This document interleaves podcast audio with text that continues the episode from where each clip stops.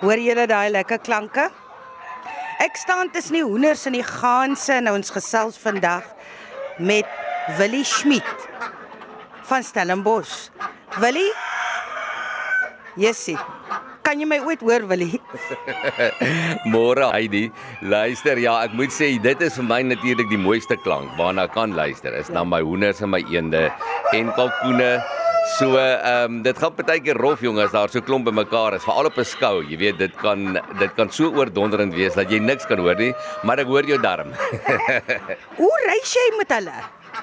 ja, dit is nogal baie belangrik as 'n mens gaan skou dat jy deeglik voorsorg tref dat elke hoender genoeg spasie het, dan moet genoeg ventilasie in jou bakkie wees en dan reis hulle eintlik heeltemal goed. As ons nou ver reis, dan sal ons waterbakkies en kos bysit, maar as dit nou byvoorbeeld 'n skou is wat naby is, dan uh kom elkeen in 'n krat met lekker ehm um, materiaal onder sagte materiaal onder dat hulle kan lekker staan en dan ry ons en ag hulle kom altyd veilig daaraan.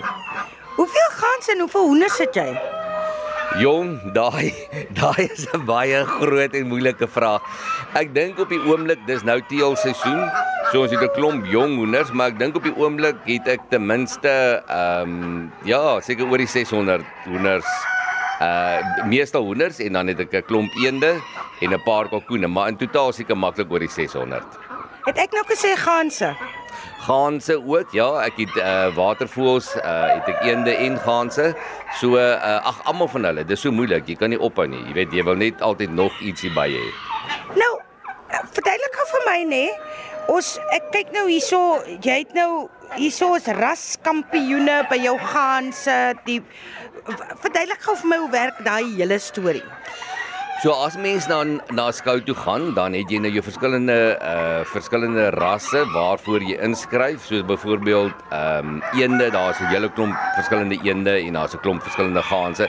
En dan by die skou, almal wat dan kom skou, skryf byvoorbeeld in vir 'n spesifieke ras, dan's daar miskien 20 in daai ras en dan word hulle nou beoordeel. En dit is eintlik 'n verskriklike interessante proses. Ek wil net gou vir jou vertel, uh elke hoender of eend of gans of kalkoen moet aan 'n spesifieke rasstandaarde voldoen.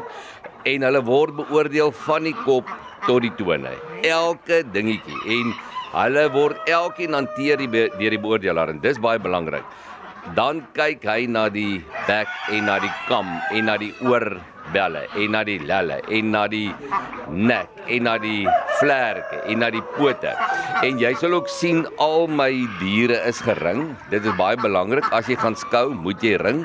Ons almal behoort aan SASPO, dit is die Suid-Afrikaanse Skou uh Pluimvee Vereniging wat dan landwyd is en deur SASPO kry ons ons ringe, ons ring hulle op 'n sekere ouderdom, hulle moet ook nie te groot word nie en dan gaan jy nou skou.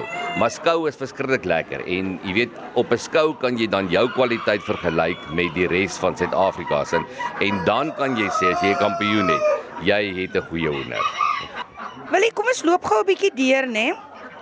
Wat kan jy my vertel van pluimvee boerdery?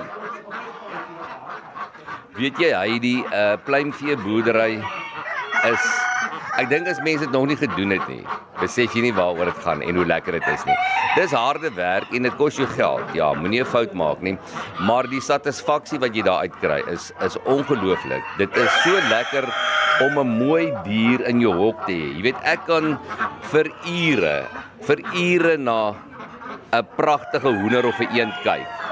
En dit wat dit aan jou siel doen, kan jy nie in woorde omsit nie. Geld kan dit nie koop nie en dan gee jy glad nie om wat jy spandeer om daai dier in jou hok te hê nie.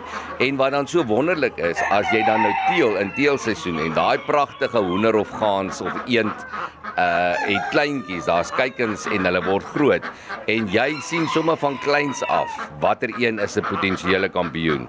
En om dan die hele proses van hoe hy groot word en uiteindelik reg is vir 'n skou. Dit is dit is so bevredigend dat regtig woorde kan dit nie beskryf nie. Weet jy, dis nou vir my snaaks. Ek kyk nou na 'n eend met 'n afro. Wat gedaan?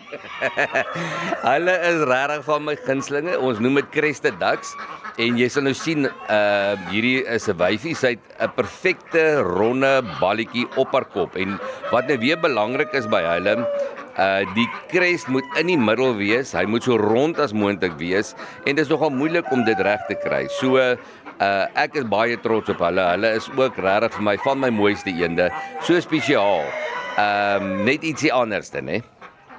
Wanneer is dit ooit stil in jou wêreld? Ek is so bly nooit. Kyk hulle die hele tyd. Die hele tyd. Hulle hulle is vroegoggend nogal baie lawaaierig en dan so bietjie deur die dag stiller en dan maar hulle is maar altyd lawaaierig. Maar ek wil hom gou vir jou sê, jy weet, mense kan maklik kla. Jy hoor mense wat sê 'n hoender wat kraai steur hulle.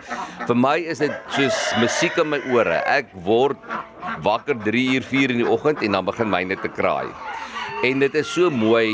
Dan hoor jy daai is die Brahma ek ken hulle klanke ook en daai een is die Australord en daai een is my Ayasamani en daai een is my Favorel en want elkeen het mos sy eie klank, né? En dan dink ek altyd, weet jy hoe bevoorreg ek is om dit te hoor. Ek is mal oor die lewe. Ek is gek oor die lewe. Daar's 'n nuwe dag wat ek weer die voorreg het om te kan begin en kyk hoe dankbaar is hulle want hulle sê dankie dis daglig of daglig is naby. Ons kan weer eet en skrop en wat ook al. Maar net so is ek dankbaar en kom ek weer, jy weet, tot die besef hoe kosbaar 'n mens se lewe is en hoe kosbaar elke dag is en dat jy voluit moet lewe en dit geniet. So ek is gek oor 'n hoender se kraai. Ek het nou uitgeloop. Hoekom is nou uitgeloop het wil jy is omdat ek baie graag ek vra altyd vir mense 'n bietjie oor hulle lewensgeskiedenis. Was jy 'n plaasseun met 'n liefde vir diere? Heidi, ek het ja in die Vrystaat groot geword, uh in Bultfontein, 'n klein dorpie daarso uh, op 'n plaas en ek het op 'n stadium so ruk terug kyk ek deur die ou albums en daar is 'n foto van waar ek 'n kleuter is, seker so 2 jaar. staan ek met 'n pikswart hen onder my arms. Die hen is amper so groot soos ek.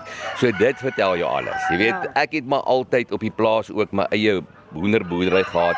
Ek het kalkoene gehad, ek het gaanse gehad, ek het boerbokke gehad, ek het enige ding gehad. Jy weet dit is eintlik so wonderlik vir 'n kind om daarmee groot te word. So my eie kinders is ook verskriklik lief vir diere. Hulle is ook eintlik plaaskinders. Hulle is eintlik bevoorreg om nou groot te word hier in uh, Stellenbosch. Ons het so 'n um, ehm, stukkie grond naby Spier so om daar groot te word en regtig ietsie van die plaas te ervaar en ek sê altyd as jy 'n dier kan versorg dan help dit vir jou verder in jou lewe om ook verantwoordelikheid te neem en ook vir ander dinge te sorg. Nou dat jy sê wil jy ek het nou hoekom daaraan gedink om om diere te versorg is een ding, maar hoenders en ganse. Dit moet 'n storie wees. Dit is regtig, jy weet en ek dink uh, baie keer maak mense uh, die fout, hulle wil graag miskien 'n hoender aanhou, maar hulle besef nie wat die verantwoordelikheid is nie. Daai hoender moet elke oggend skoon water en kos kry. By my in my hokke het ek 'n um, vrou wat heeldag net hoenders kos gee en water. Die waterbak kan omval. Dan moet daar gekyk word dat daar weer water gegee word. Jy moet sorg dat jou hoenders gesond is. Jy moet kyk na vloei. Jy weet dit is 'n uh, al daai goeters is groot ehm um, probleme wat vir jou jou hoenders kan siek maak of doodmaak. So 'n ou moet regtig vasvat en seker maak dat as jy 'n dier aanhou soos 'n hoender of enige troeteldier dat jy ook verantwoordelikheid neem want dit is 'n klomp verantwoordelikheid. Eet jy hulle ooit? ja, baie mense vra my daai vraag. Nooit enigiemand van my hoenders nie. As my vrou wil hoender gaar maak, moet sy gaan oop en ook eintlik nooit enige van my hoenders se eiers nie. Uh hoekom dit gebeur is ja, eerstens, jy weet dit is sulke mooi hoenders. Jy jy kan nie dit oor jou hart kry om so 'n hoender te slag nie. En dan wat die eiers aanbetref, so ons probeer maar soveel as moontlik van die eiers uitbroei want dit is ook 'n groot proses en 'n gesukkel om 'n klomp groot te kry. Jy weet, uh die kykens moet geënt word en jy kry ehm um, muskiete gee vir hulle pokke. Dit is 'n baie groot proses om hulle uiteindelik groot te kry. So ou probeer soveel as moontlik groot kry om dan seleksie te doen want dit is baie belangrik. As jy skou, moet jy ongelooflik seleksie doen. Die heeltyd, die heeltyd net seleksie om dan 'n kampioen uiteindelik te kry. Hoe weet jy wie se kampioen? Ja, dit is nogal eintlik 'n baie uh, interessante vraag wat jy vra. Ehm um, ek dink 'n mens het 'n passie. Wel jy jy moet 'n passie hê om dit te doen. Net so jy moet jy passie om jou werk te doen. Maar ehm um, ek het 'n totale passie vir my hoenders. Ek is gek verslaaf aan my hoenders en dan ehm um, kry jy regtig 'n gevoel in jou. Jy kan uiteindelik sien watter haan en hen bymekaar moet wees om 'n kampioen te gee. En jy sien sommer van kleins af jong, omdat jy die ras ken. Jy weet soos byvoorbeeld sê nou maar ons het Kousamas en dit is 'n hoendertjie, ek gaan vir jou nou wys hoe lyk hulle wat so regop staan. Absoluut regop, hy met die punte van sy tone staan eintlik die hele tyd. So daai kykentjie van dag 1 af kan jy sien watter een gaan 'n kampioen wees. Watter een staan al bietjie meer as die ander. So dis eintlik verskriklik interessant. Ek kan vir jou stories vertel vir die heel dag oor my hoenders. Jy moet 'n hoenderboek skryf. Ja, ek ek is mos so baie lief vir tyd maak ook en ek is eintlik um in die proses van dit, maar ek dink ek moet dalk eers met die hoenderboek begin. Want ja, ek ek, ek kan nie genoeg vir mense aanmoedig en sê kry vir jou hoenders al is dit 1 of 2 of 3 die vreugde en die genot wat jy uit hulle kan kry is regtig onbeskryflik. Dit is meer werd as geld. Dit is groter as enigiets anders Jy sien Heidi, dit is nou 'n Kousama en kyk nou as jy na hom kyk, hoe kyk hoe oulik is hy. Hy pronk die heeltyd, is hy op sy tone en dit is hoe hulle moet staan. Jy sal sien die agterste toon is raak glad uit die grond nê. En uh dan word hy nou volgens dit ook beoordeel. So hoe hy hy staan eintlik sommer kiets reg op kom. Laat jy bietjie daar daar's nie hy is nou net baie verspot vanoggend want hy sien sy hennetjie daar aan die kant. Maar uh, ja, dit is eintlik 'n baie interessante hoendertjie en soos ek sê, jy sien eintlik van kykin van dag 1 af watter gaan oulik, jy weet, reg wees en watter nie. Maar dis nou baie snaaks dat jy gesê het hy sien sy en hoe hoe Jong. liefde is liefde. liefde is liefde. ek dink dis maar 'n natuurlike ding, né? Nee? Hoenderliefde. Ja, kyk nou net. Nou pronk hy om te ren. Hy pronk nou sommer vir al die vrouens. kyk hy vlerke hoe staan hulle.